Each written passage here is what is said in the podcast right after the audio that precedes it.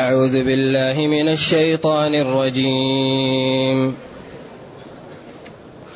وقالوا هذه أنعام وحرث حجر لا يطعمها إلا من نشاء بزعمهم وأنعام حرمت وأنعام حرمت ظهورها وأنعام لا يذكرون اسم الله عليها افتراء عليه.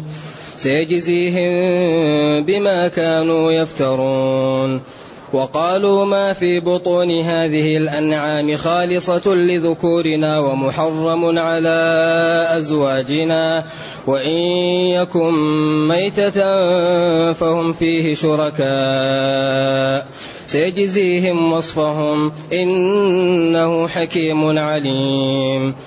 قد خسر الذين قتلوا أولادهم سفها بغير علم وحرموا ما رزقهم الله وحرموا ما رزقهم الله افتراء على الله قد ضلوا وما كانوا مهتدين وهو الذي أنشأ جنات معروشات وغير معروشات والنخل والزرع والنخل والزرع مختلفا أكله والزيتون والرمان متشابها وغير متشابه.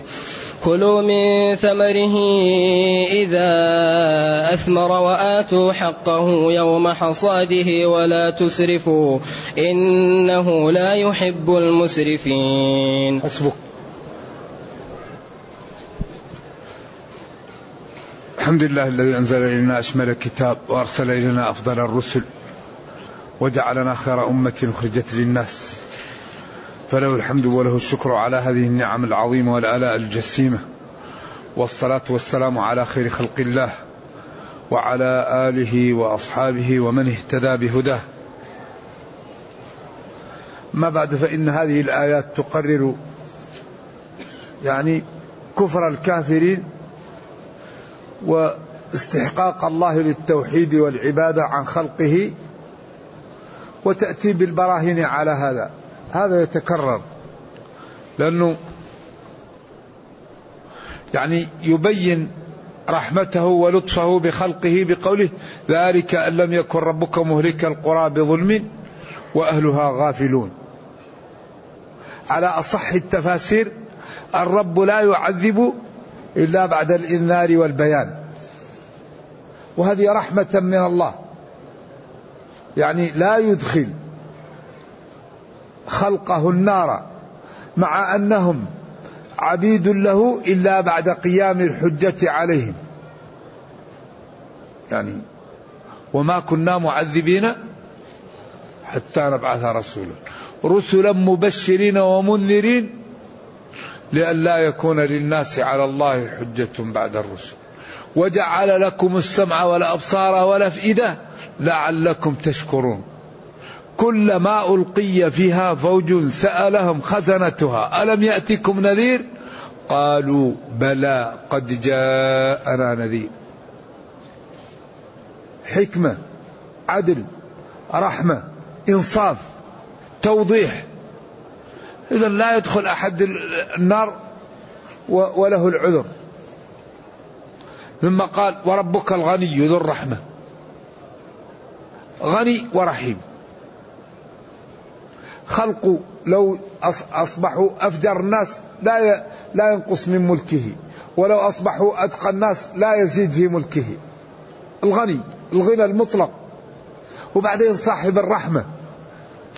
تجد العبد يكفر به ولا يصلي ويستهزأ بشرعه وبأوليائه ومع ذلك يغدق عليه النعم. رحيم لا يعاجل بالعقوبة. رحمن السماوات والأرض.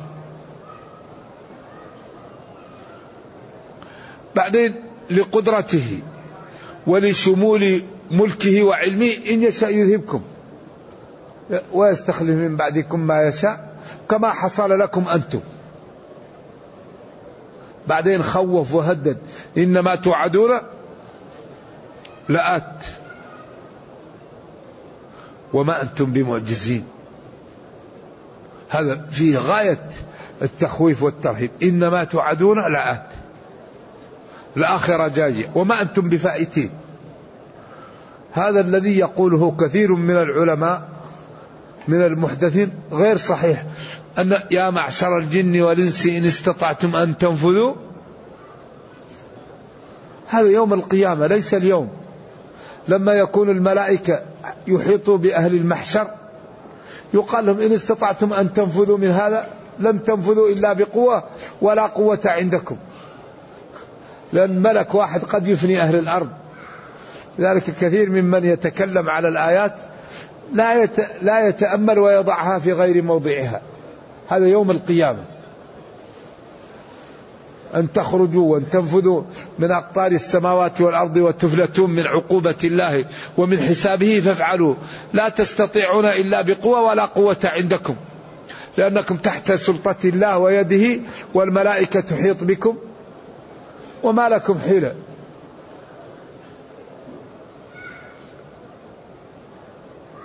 بعدين اعملوا على على طريقتكم. إني عامل. فسوف تعلمون في المستقبل من هو على الحق ومن هو على الباطل.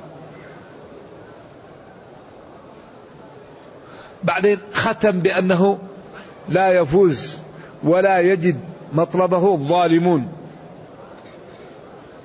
ثم بين معائبهم هؤلاء الكفار هذه صفة الله وأنه هو المتصرف وجعلوا لله مما خلق. من الحرث والأنعام نصيبا حظا. وما جعلوه للأصنام قدموه على ما جعلوه لله. بعدين عابهم وقال ساء ما يحكمون. ذم وعيب حكمهم. وكما زين لكثير من المشركين قتل أولادهم شركاؤهم زين الشركاء للآباء قتل أولادهم. كذلك كذلك زين أيضا لكثير من من الخلق يعني عبادهم يعني جعل أموالهم وحروثهم يعني محرمة على نسائهم ومباحة لرجالهم والبعض يشتركون فيه. وجانب الخطورة في هذا الأمر التشريع. لأنه هذا الذي يعاب فيه مع الكفر بضميمة التشريع. يشرعون شرعا يضاهي ويضاد شرع الله. ولذلك من أكبر آه، يعني الذنوب ومن أخطرها أن يسن الشخص سنن ويجعل تشريع يضاد شرع الله. هذا خطير جدا. كما قال ولا يشرك في حكمه أحدا. وقال ولا يشرك في عبادته أحدا. وقال إن الحكم وأن أحكم بينهم. ألم تر إلى الذين يزعمون أنهم آمنوا بما أنزل إليك وما أنزل يريدون أن يتحاكموا إلى الطاغوت وقد أمروا أن يكفروا به. ويريد الشيطان أن يضلهم ضلالا بعيدا. إذا وقالوا هؤلاء القوم هذه أنعام. الأنعام على أصح التفاسير هي الإبل والبقر والغنم. ويندمج تحتها ما يصاد من الوحوش. لأنه قال أوفوا بالعقود أحلت لكم بهيمة الأنعام إلا ما يتلى عليكم غير محل الصيد. فالاستثناء من من بهيمة الأنعام إحلال الصيد للمحرم دل على أنها منها أو أنها في حكمها. إذا الأنعام الإبل والبقر والغنم. ثم يعني أنواع المها وأنواع الظباء وأنواع الوعول كل الوحوش التي تصاد وهي في أشكال لها متأنسة. ويدخل أيضا في الأنعام في الجملة حمار الوحش لأنه صيد داخل في هذا. نعم. قال قالوا هذه أنعام وحرث حجر حجر يعني محجر عليه وممنوع وبيان الحجر لا يطعمها إلا من نشاء بزعمهم وهم سدنة الأوثان. أو الرجال. وأنعام حرمت ظهورها. قالوا الحامي هو الذي ولد لولده. فيقول حمى ظهره بإنتاج ولده لولد. فلا يركب ولا ي... وأنعام لا يذكرون اسم الله عليها للعلماء في ذلك قولان. القول الأول لا يحج عليها ولا يلبى ولا تعمل عليها العبادة. القول الثاني إذا ذبحت لا يسمى عليها إلا الصنم لا يذكر عليها اسم الله عند الذبح. أو أنها لا تركب فلا يلبى عليها ولا يحج عليها. افتراء.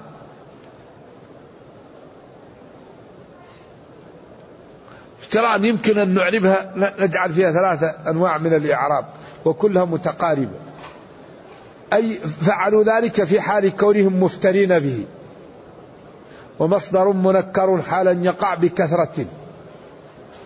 كبغتة زيد طلع. أي مفترين. أو افتروا ذلك افتراء. مفعول مطلق. أو مفعول لأجله. فعلوا ذلك لأجل الافتراء والكذب. إذا إذا قلنا حال أو مصدر مفعول مطلق أو مفعول لأجله كل لا يبعد. والإعراب المهم فيها أن يكون المعرب فاهما. لا يقول كلام لا يصح. يعرب افتراء مبتدأ هذا ما هو معقول أو افتراء فعل. أما إذا قال كلام يتوجه وله وجه الأمر سهل. اذا يفترون لذلك افتراء أو في حال كونهم مفترين أو عملوا ذلك لأجل الافتراء عليه أي على الله سيجزيهم أي سيعاقبهم الله أو يعطيهم الجزاء الذي يستحقونه وهو العقاب بسبب ما كانوا يفترونه أو بسبب افترائهم. اذا هذا فيه كفر بالله وتشريع على غير ما أراد الله وهذا جريمة مضمومة لجريمة فيكون هذا يعني ذنب كبير ويحتاج إلى عقوبة كبيرة إن لم يتب صاحبه. وقالوا هؤلاء الكفار ما في بطون هذه الأنعام خالصة. ما؟ وقال ومحرم. ما؟ تأتي للمذكر وللمؤنث وللجماعة خالصة لمعنى ما ومحرم للفظ ما. أيوه. يعني الأمور خالصة أو الأجنة خالصة. ولا تلزم التاء إلا في سياقين. الشمس طلعت وقامت هند. وفي غير هذا لا تلزم التاء. تقول كسر اللبنة وكسرت اللبنة وحضر الرجال وحضرت الرجال وجاء المسلمون وجاءت المسلمون كل جمع مؤنث. ولذلك وإنما تلزم فعل مضمر متصل.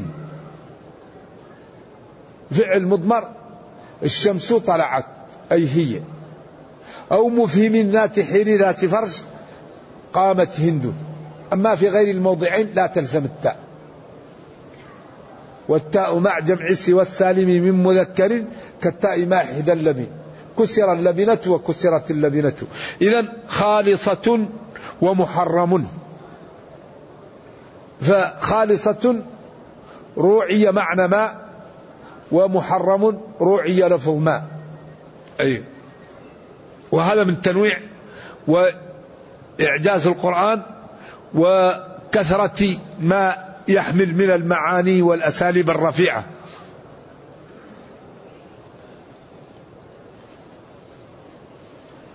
إذا يقول هذا الجنين لرجالنا فقط. إن خرج حيا. وإن خرج ميتا فهم فيه شركاء. إذا هذا أيضا تشريع وهذا لا يجوز. وإن يكن ميتة فهم فيه شركاء.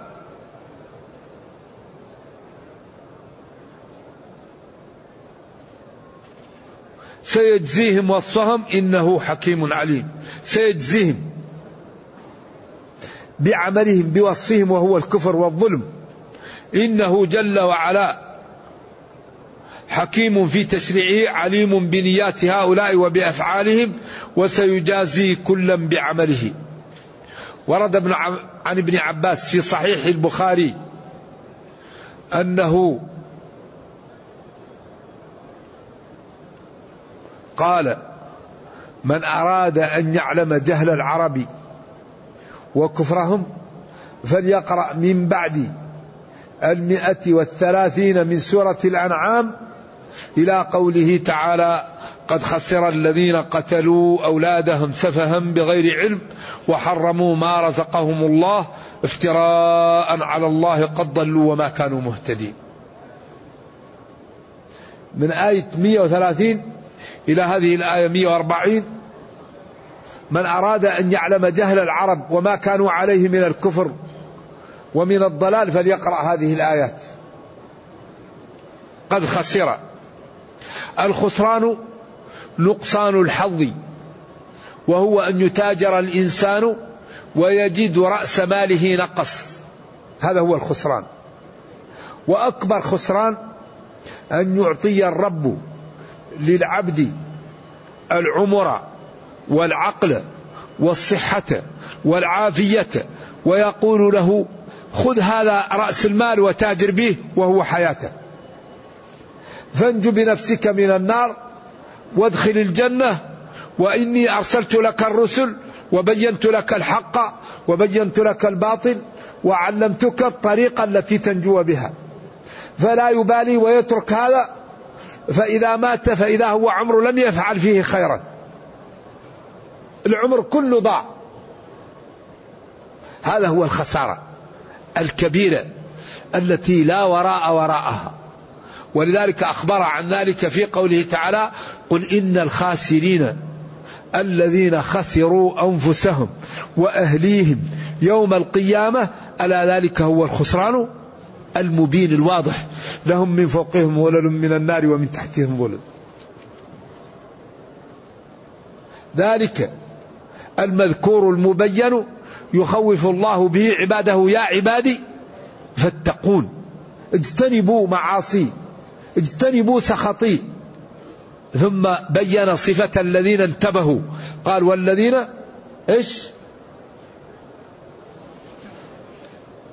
والذين اجتنبوا الطاغوت أن يعبدوها وأنابوا إلى الله. اجتنبوا الطاغوت الأصنام الأوثان الهوى. الشهوة المال الزوجة الأولاد. لأنه الطاعة هي العبادة. اتخذوا أحبارهم ورهبانهم. قال له عدي ما ما عبدوهم. قال ألم يحللون لهم ويحرم يحللوا لهم ويحرموا عليهم؟ قال نعم. قال تلك عبادتهم. وأنابوا إلى الله لهم البشرى. لهم الخبر الذي تتغير بشرته لما يدخل عليهم من سماعه من السرور والفرحة والنشوة قال فبشر عبادي الذين يستمعون القول. أغلب الناس لا يستمع أصلا. إذا سمع المحاضر ينضم ويخرج. ما عنده استعداد ليسمع أي درس ولا أي محاضرة ولا أي شريط ولا أي آية. ما عنده استعداد. طيب من أين الهداية؟ إذا كان الإنسان.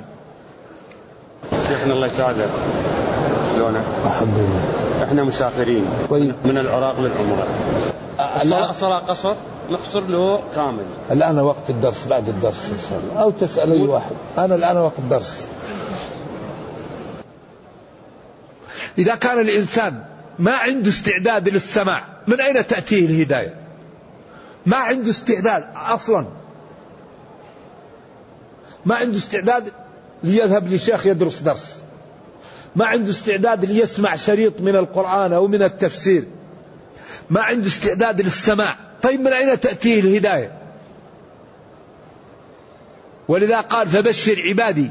عبادي الذين اصطفيتهم الذين وفقتهم الذين جعلت لهم الهداية. عبادي لا عباد الهوى لا عباد الشيطان لا عباد الدرهم لا عباد الدينار. عبادي الذين يستمعون. يستمعون القول الآيات الأحاديث الأحكام فيتبعون أحسنه. قال أولئك الذين هداهم الله وفقهم الله وأولئك هم أولو أصحاب العقول. إذا الذي لا يستمع ولا يتبع هذا لا عقل له ولم يهده الله. الذي لا يستمع لا عقل له. والذي لا يتبع أحسن الكلام لم يهده الله. والله هذا الكتاب سبحان الله يضع الأمور في مواضعها ويعطي لمن هداه الله الطريقة الواضحة قد خسر. أي غبن. وفقدوا حظوظهم يوم القيامة. الذين قتلوا أولادهم. قتلوا من أولادهم؟ ما قتل حية ولا فأر قتل ولده. أعوذ بالله. هذا طمس البصيرة يقضى على المرء في أيام محنته حتى يرى حسنا ما ليس بالحسن. الإنسان إذا إذا طمس على بصره وعلى عقله حده ولا حرج. يقتل ولده. قوم لوط قالوا للوط ما لا أخرجوا آل لوط من قريتكم. لما لا؟ طيب هل هذا مدعاه للإخراج أو مدعاه للإكرام؟ من يتطهر عن النجاسة وعن الفاحشة؟ هل هذا يكرم أو يهان؟ لكن الفطر إذا سلمت إذا فسدت العجب. قالوا أجعل الآلهة؟ إن هذا لشيء الشيء العجاب أن تكون في آلهة متعددة لأن لو كانت في آلهة لفسد الكون. لو كانت فيهما آلهة إلا الله لكن إذا فسدت الفطر حدث ولا حرج. إذا هؤلاء غبنوا ونقصوا حظوظهم يوم القيامة بأن ضاعت أعمارهم ولم يستفيدوا منها ووجدوا يوم القيامة النار. قد خسروا وغبنوا ونقصوا الذين قتلوا أولادهم سفها يعني بغير علم. قتلوهم لأجل السفه ولأجل الجهل. بغير علم تأكيد. لأن السفه لا يكون معه علم.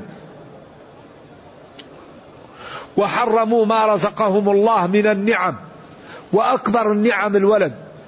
حتى قالوا إن نعمة الولد ومتعة محبته تشبه نعيم الجنة. يعني ما يكون في قلب الوالد لولده من المحبة ومن المتعة كنعيم الجنة. افتراء على الله. افتروا ذلك على الله افتراء قد ضلوا ذهبوا عن الحق وما كانوا مهتدين تأكيدا لذلك. ولذلك العرب ما أعزهم إلا الإسلام العرب ما رفعهم إلا الدين العرب ما رفعهم إلا امتثال شرع الله. كانوا إذا أرادوا أن يرفعوا رؤوسهم يكونون تحت الرومان أو تحت الفرس. وكانوا على بكر أخينا إذا ما لم نجد إلا أخانا. إن غوت غويت وإن ترشد. وكان يحكمهم شريعة الغاب. فجاء الله بالإسلام. واتبعوه. فسادوا العالم. وأصبحوا أقمارا في الأرض. فإذا تخلوا عن الدين رجعوا إلى الحالة التي كانوا عليها قبل الإسلام. إن الله لا يغير ما بقوم. لذلك العرب لا يصلحهم إلا الإسلام. هو الذي أعزهم هو الذي رفعهم هو الذي أعطاهم ما أعطاهم. ولذلك لما استنجد ملك الفرس بملك الصين قال له أعطيني صفات هؤلاء القوم. قال هؤلاء يحبون الموت أكثر من الحياة. ولا تفرق بين الرئيس والمرؤوس. وإذا فتحوا بلدا قسموا المال بين الفقراء. وفي النهار فرسان. وفي الليل رهبان. فقال ملك الصين لملك الفرس أعطهم ما سألوك. هؤلاء لا طاقة لأحد من أهل الأرض بهم. المسلم المتقي الفاهم لا يقاوم.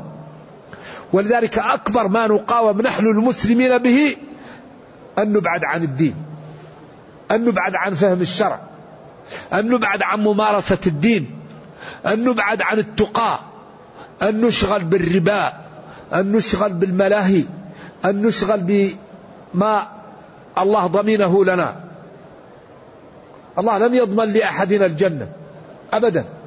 قال لم نجعل له عينين وهديناه النجدين وقال اعملوا فكل ميسر لما خلق له. وقال وما من دابة في الأرض إلا على الله رزقها. لن تموت نفس حتى تستكمل رزقها وأجلها. فاتقوا الله وأجملوا في الطلب. إذا كيف نحن نبحث عما ضمن لنا والذي لم يضمن لنا وأمرنا بالبحث عنه لا نبحث ولا, ولا, ولا نحاول أن نصل إليه. قال العلماء بحثنا عن الرزق لقوة الضمان لشدة الضمان. ولأن الجنة لم تضمن لنا لا نبحث لكن الرزق ضمن. فلذلك نبحث لقوة الضمان.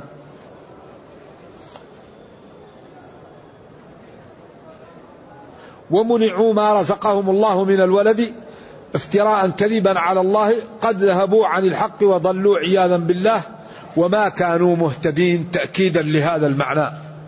ثم قال جل وعلا وهو الذي أنشأ جنات معروشات. أنشأ أوجد جنات بساتين تستر داخلها. معروشات مرفوعات. وغير معروشات منبسطة على الأرض. أو معروشات مغروسة بالإنسان وغير معروشات هي التي تنبت من حالها على الجبال وفي البراري. والنخل والزرع مختلفا أكله طعمه والزيتون والرمان متشابها وغير متشابه. إما في اللون واختلاف الطعم أو يكون الزيتون واحد لكن هذا له طعم وهذا له طعم والرمان مشتبه في, في, في الألوان لكن طعومه تختلف. كلوا من ثمره أمر للإباحة. وآتوا حقه أمر للوجوب. يوم حصاده. هذا من جهة مجمل ومن جهة مفصل مبين. وقد يأتي الإجمال من وجه ومن وجه يراه ذا بيان منفط إيضاح ذلك أن قوله تعالى وآتوا حقه هذا واضح في الوجوب. يوم حصاده ولكن مجمل في قدر ما يعطى. وهنا وقفة خفيفة مع أحكام الزروع وما لا يجب فيها وما لا يزكى منها. وما لا لا يزكى منها وما هو نصابها. نشير إلى هذا ونترك لكم المجال في من عنده إشكال. فنقول ومن الله تعالى نستمد العون والسداد أن الزروع فيها شيء أجمع على أنه يخرج منه الزكاة. وهو التمر والعنب والشعير والقمح الحنطة. هذه الأربعة الإجماع على أنها يخرج منها الزكاة إذا كانت أهلة مئة صاع خمسة أوسق ليس فيما دون خمسة أوسق صدقة الوسق ستون صاع ستة في خمسة كم؟ ثلاثين أهلة مئة مد أهلة مئة صاع اللي هو ألف. ألف ومئتا مد. اللي أقل من هذا ما فيه الزكاة. ما فيه الزكاة. الذي يخرج منه إذا كان يسقى بالسماء العشر.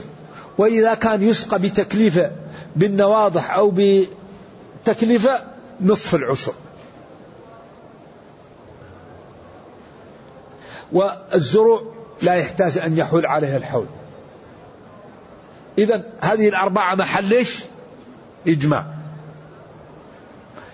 لكن بقية أمور مختلف فيها. الخضروات الفواكه الزيتون التين العسل. هذا محل خلاف بين العلماء.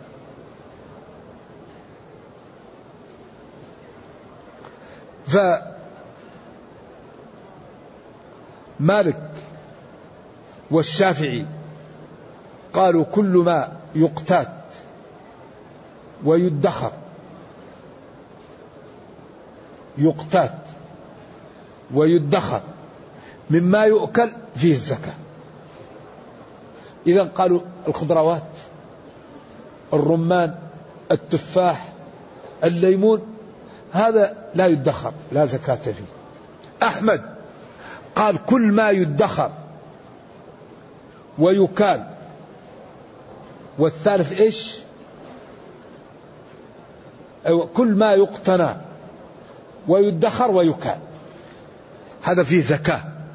ولو لم يكن مطعوما فجعل في الأبازير الزكاة وجعل في بزر القطن إذا وصل خمسة أوسق زكاة أبو حنيفة قال كل ما يعني يقطع يوضع منه إيش؟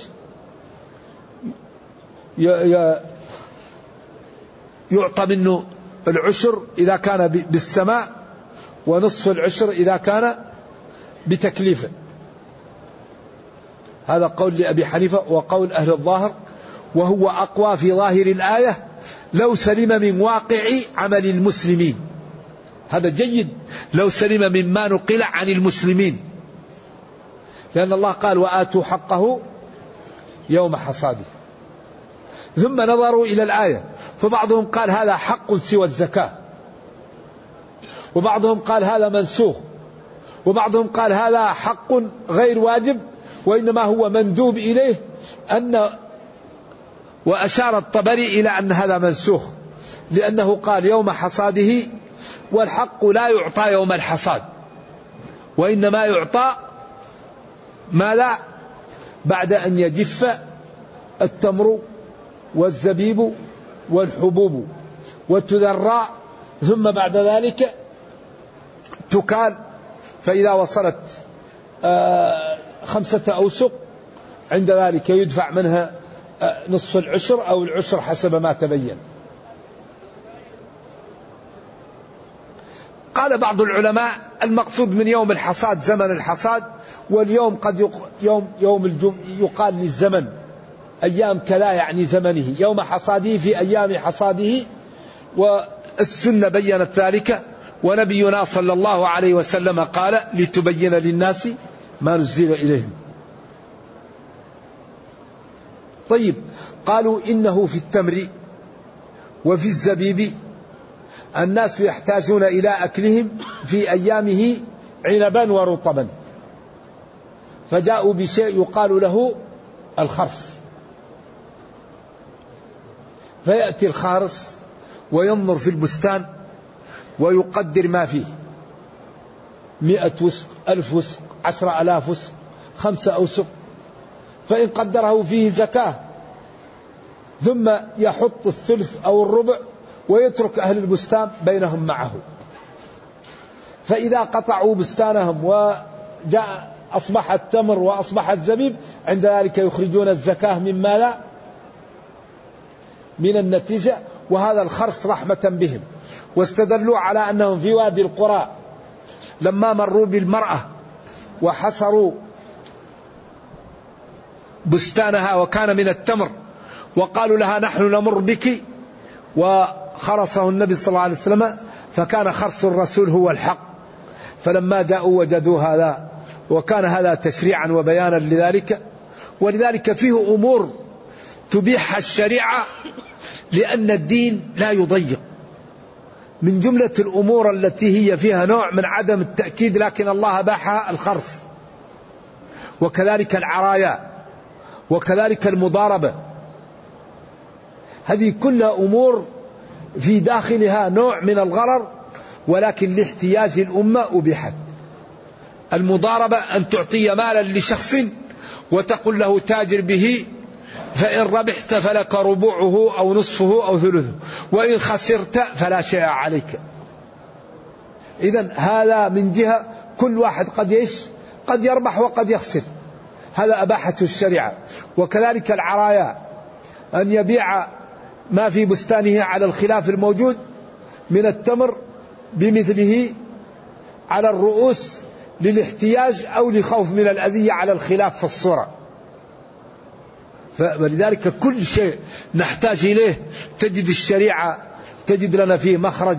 ولذلك ربنا يقول وقد فصل لكم ما حرم عليكم إلا ما اضطرتم إليه. فهذه الشريعة سمحة سهلة كل شيء مبين فيها. إذا الحبوب والثمار أما الزيتون فمالك يقول إن بلغ الزيتون خمسة أوسق تخرج منه الزكاة لكن لا تخرج إلا من الزيت. وغيره قال تخرج من نفس الزيتون. والتين قال أصحاب مالك أن مالكا لم يكن يعرف التين ولو عرفه لجعله مثل التمر والزبيب لأنه يؤكل ويدخر ويقتات به. لذلك أصحاب مالك قال أن التين مثل ماذا؟ الخضروات. لكن قالوا عند قوله تعالى وآتوا حقه يوم حصاده قالوا إن النبي صلى الله عليه وسلم في المدينة لم ينقل عنه أنه أخذ زكاة من الخضروات. لا من التفاح ولا من البقدونس ولا من الكمثراء ولما فتحت الطائف وكانت كثيرة الفواكه لم ينقل أنه أخذ منها زكاة ولو أخذ منها لنقيل لنا. ولكن إذا كانت هذه الخضروات تجارة وأصبح الإنسان يتاجر فيها وتجمع منها مال كثير في فيضم على أصح الأقوال لعروض التجارة. إذا كان واحد يتاجر في الخضروات وتحصل عنده من الخضروات مليون نقول لا لا يدفع صدقة تؤخذ من أغنيائهم خذ من أموالهم صدقة. فما دامت الخضروات هذه تجارة وكثيرة الذي يظهر أنها تضم لعروض التجارة وما نض عنده من الذهب والفضة فإن حال عليه الحول يخرج منه الزكاة 2.5% إذا هذا معنى قوله وآتوا حقه يوم حصاده. ومنهم من قال الآية منسوخة. ومنهم من قال الأمر للندب. فإذا جاءك الفقراء وأنت تريد أن تجد فأعطهم. ولا تسرفوا إنه لا يحب المسرفين. هذا نهي. والنهي هنا للتحريم. قالوا إن ثابت بن قيس كان له بستان أو بساتين فقطعها وكل ما جاءه أحد أعطاه حتى لم يبقى عنده شيء فنزل ولا تسرفوا. وقال ولا تجعل يدك مغلولة إلى عنقك ولا تبسطها كل البسط كلوا واشربوا ولا تسرفوا. وقال بعض العلماء الإسراف لا يكون في الصدقة وإنما الإسراف في الحرام. وقال بعض المحققين الإسراف في الحرام وفي أن الإنسان لا يترك له ما يكفيه إذا كان لا يصبر. أما إذا كان لا عيال له وهو بنفسه ويستطيع أن يصبر ويؤثرون على أنفسهم ولو كان بهم خصاصة. لكن لأن تذر ورثتك أغنياء خير من أن تذرهم عالة. الإنسان أول ما يغني نفسه وما عنده من المال يغني نفسه ويسألونك ما ينفقون قل العفو أي ما, حاج ما زاد عن الحاجة الضرورية. ولذلك ينبغي للإنسان إذا كان عنده مال أن ينفق منه وأن يمسك لنفسه وأن يتوخى للإنفاق أحسن ماله. قالوا ذلك ومن والبدن جعلناها لكم من شعائر الله.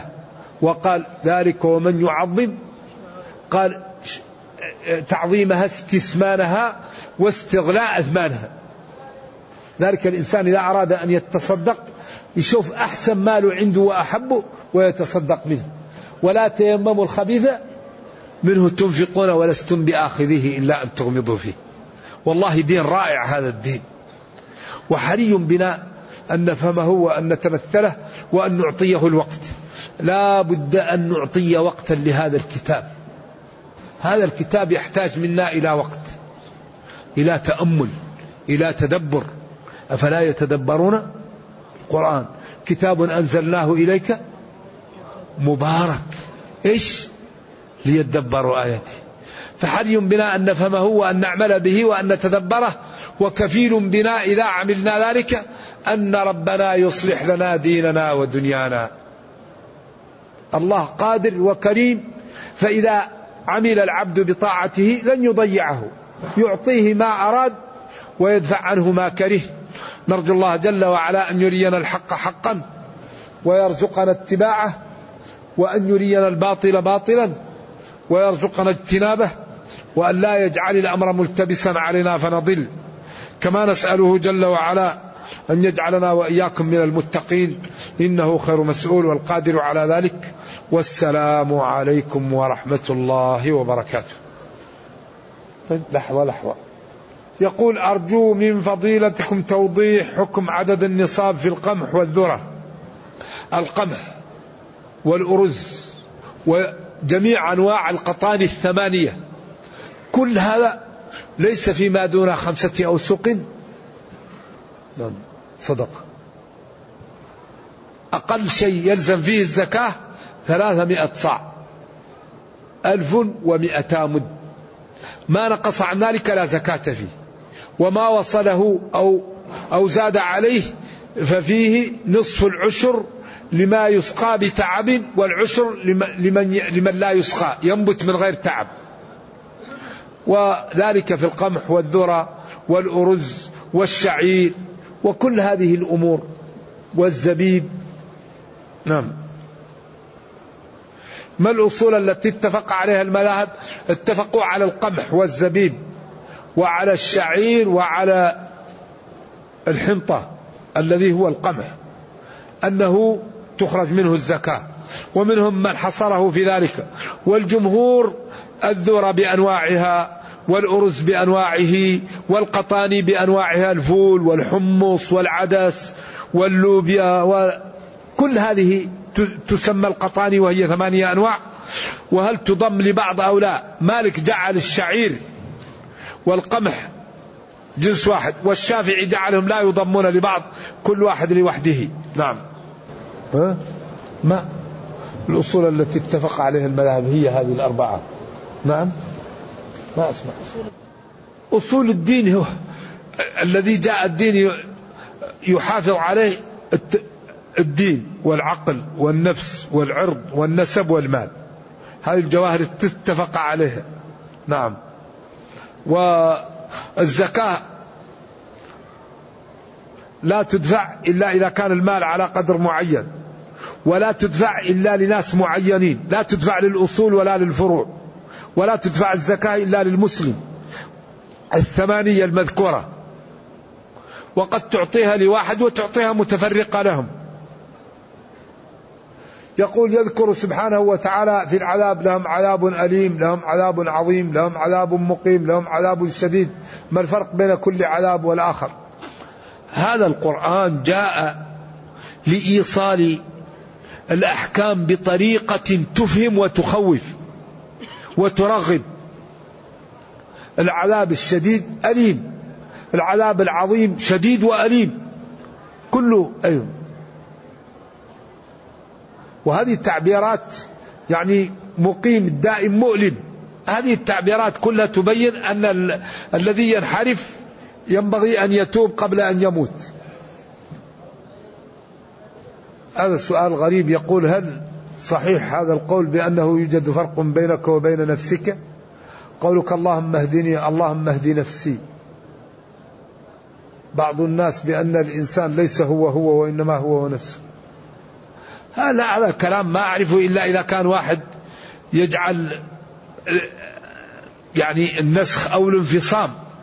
هذا مذهب يسمى مذهب الانفصام. ولا الإنسان هو نفسه.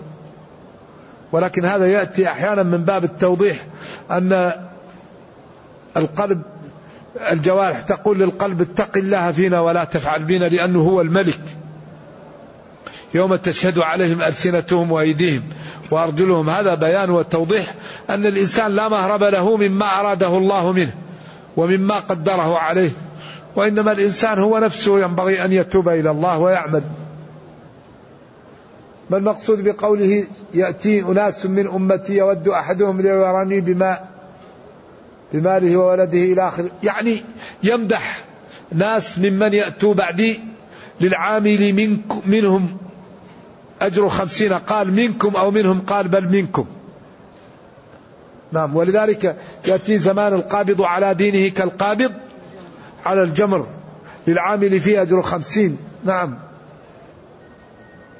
يقول كنت مسافرا ودخلت المسجد والإمام يصلي العصر ولم أصلي الظهر فصليت العصر أربعا وبعدها صليت الظهر ركعتين. لا لا لا عيد عيد الظهر ثم عيد العصر. الذي أقل من خمس صلوات لا بد من الترتيب فيه عند الجمهور. أول تصلي الظهر يمكن تدخل معه عند أحمد وعند الشافعي بنية الظهر وهو يصلي العصر. وتنوى القصر وتصلي أربعا لأنك مؤتما بك لا يضرك ذلك. ثم بعد ذلك تصلي العصر. أو تدخل معه بنية النافلة وهذا أبعد لك من الخلاف فإذا سلم تصلي الظهر ركعتين وتصلي العصر ركعتين إن كنت مسافرا. يعني الأولى أن الإنسان إذا دخل مع الإمام وهو مسافر ولا يدري ما الذي يصلي أن يدخل معه بنية النافلة لأنه إنما جعل الإمام ليؤتم به. أما الذي ينفلت عن الإمام في داخل الصلاة فهذا مشكل. وإن قاله جلة من العلماء. إنما جعل الإمام ليؤتم فالانفلات عن الإمام وهو يصلي هذا أمر يحتاج إلى دليل. نعم. حلق, حلق اللحية ينقص الإيمان؟ حلق اللحية محرم وفعل الحرام ينقص الدين. لا يزني الزاني حين يزني وهو مؤمن. نعم. يقول امرأة ذاهبة للعمرة من المدينة إلى مكة مع فوج من بلده. وحاضت قبل السفر فما عليها. عليها إذا أرادت أن تذهب إلى مكة أن تغتسل إن كان الاغتسال لا يضرها وأن تتحفظ ثم تلبي وتذكر الله وتستغفر ولا تصلي ولا تأتي للبيت فإذا طهرت اغتسلت وطافت وسعت وقصرت. تعمل ما يعمل الحاج غير أن لا تطوف بالبيت. الحائض التحقيق أنها لا تطوف بالبيت. لقوله لأسماء غير أن لا تطوفي بالبيت. وقوله لإحدى أمهات المؤمنين لما حاضت في منى عقرى حلقاء حابسة ناهية قالوا إنها طافت طواف الإفاضة فأسقط عنها طواف الوداع. فالتحقيق أن الحائض لا تطوف بالبيت هذا الذي يظهر غير أن لا تطوفي بالبيت. نعم. وينبغي لمن يأتي من المسلمين للحج أو للعمرة ومعهم نساء ينبغي لهم أن يخططوا لأن المرأة إذا جاءها العذر أنها يهيأ لها الطريقة التي تبقى بها حتى تطهر وتطوف بالبيت. إما أنها تستعمل علاجات وكان الصحابيات يستعملن العلاج. كنا إذا أردنا الحج رضي الله عنهن يأخذن بعض الأشجار ويحرقن رؤوسها ثم يأخذن الرماد ويجعلنه في الماء ويشربنه. وهذا يمنع عنهن الحيض أيام الحج والآن جاءت فيه حبوب وجاءت فيه أدوية فإذا كان بعضها لا يضر فلا مانع للمرأة من تستعمل علاج يؤخر عنها العادة حتى لا تقع في محذور أو تجعل رفقتها تقع في محذور أو تطوف وهي في محل مشكل وهي غير طاهر. فينبغي أن يعالج هذا الأمر. وأن يتخذ له الأسباب. نعم. والدين على كل حال يسر. وقد فصلنا ما حرم علينا إلا ما اضطرنا إليه. ولذلك الشيخ رحمة الله عليه ابن تيمية لما أراد أن يقول هذه المسألة قال الميتة حرام فإن اضطر لها حلال. الكفر حرام فإن اضطر له حلال. الكذب حرام فإن اضطر له حلال. وراح أتى بمئات المسائل. وقال إذا الطواف على غير طهارة حرام فإن اضطر له فهو حلال. أتى بمئات المسائل وسبحان الله ونرجو الله تعالى أن يغفر لنا وله ويغفر لجميع المسلمين لكن هذه القضية فيها نص صحيح صريح غير أن لا تطوفي بالبيت. نعم والنص فيه بركة والله يقول اتبعوا ما أنزل إليكم. نرجو الله لي ولكم التوفيق. وأن يجعلنا جميعا من المتقين ونكتفي بهذا.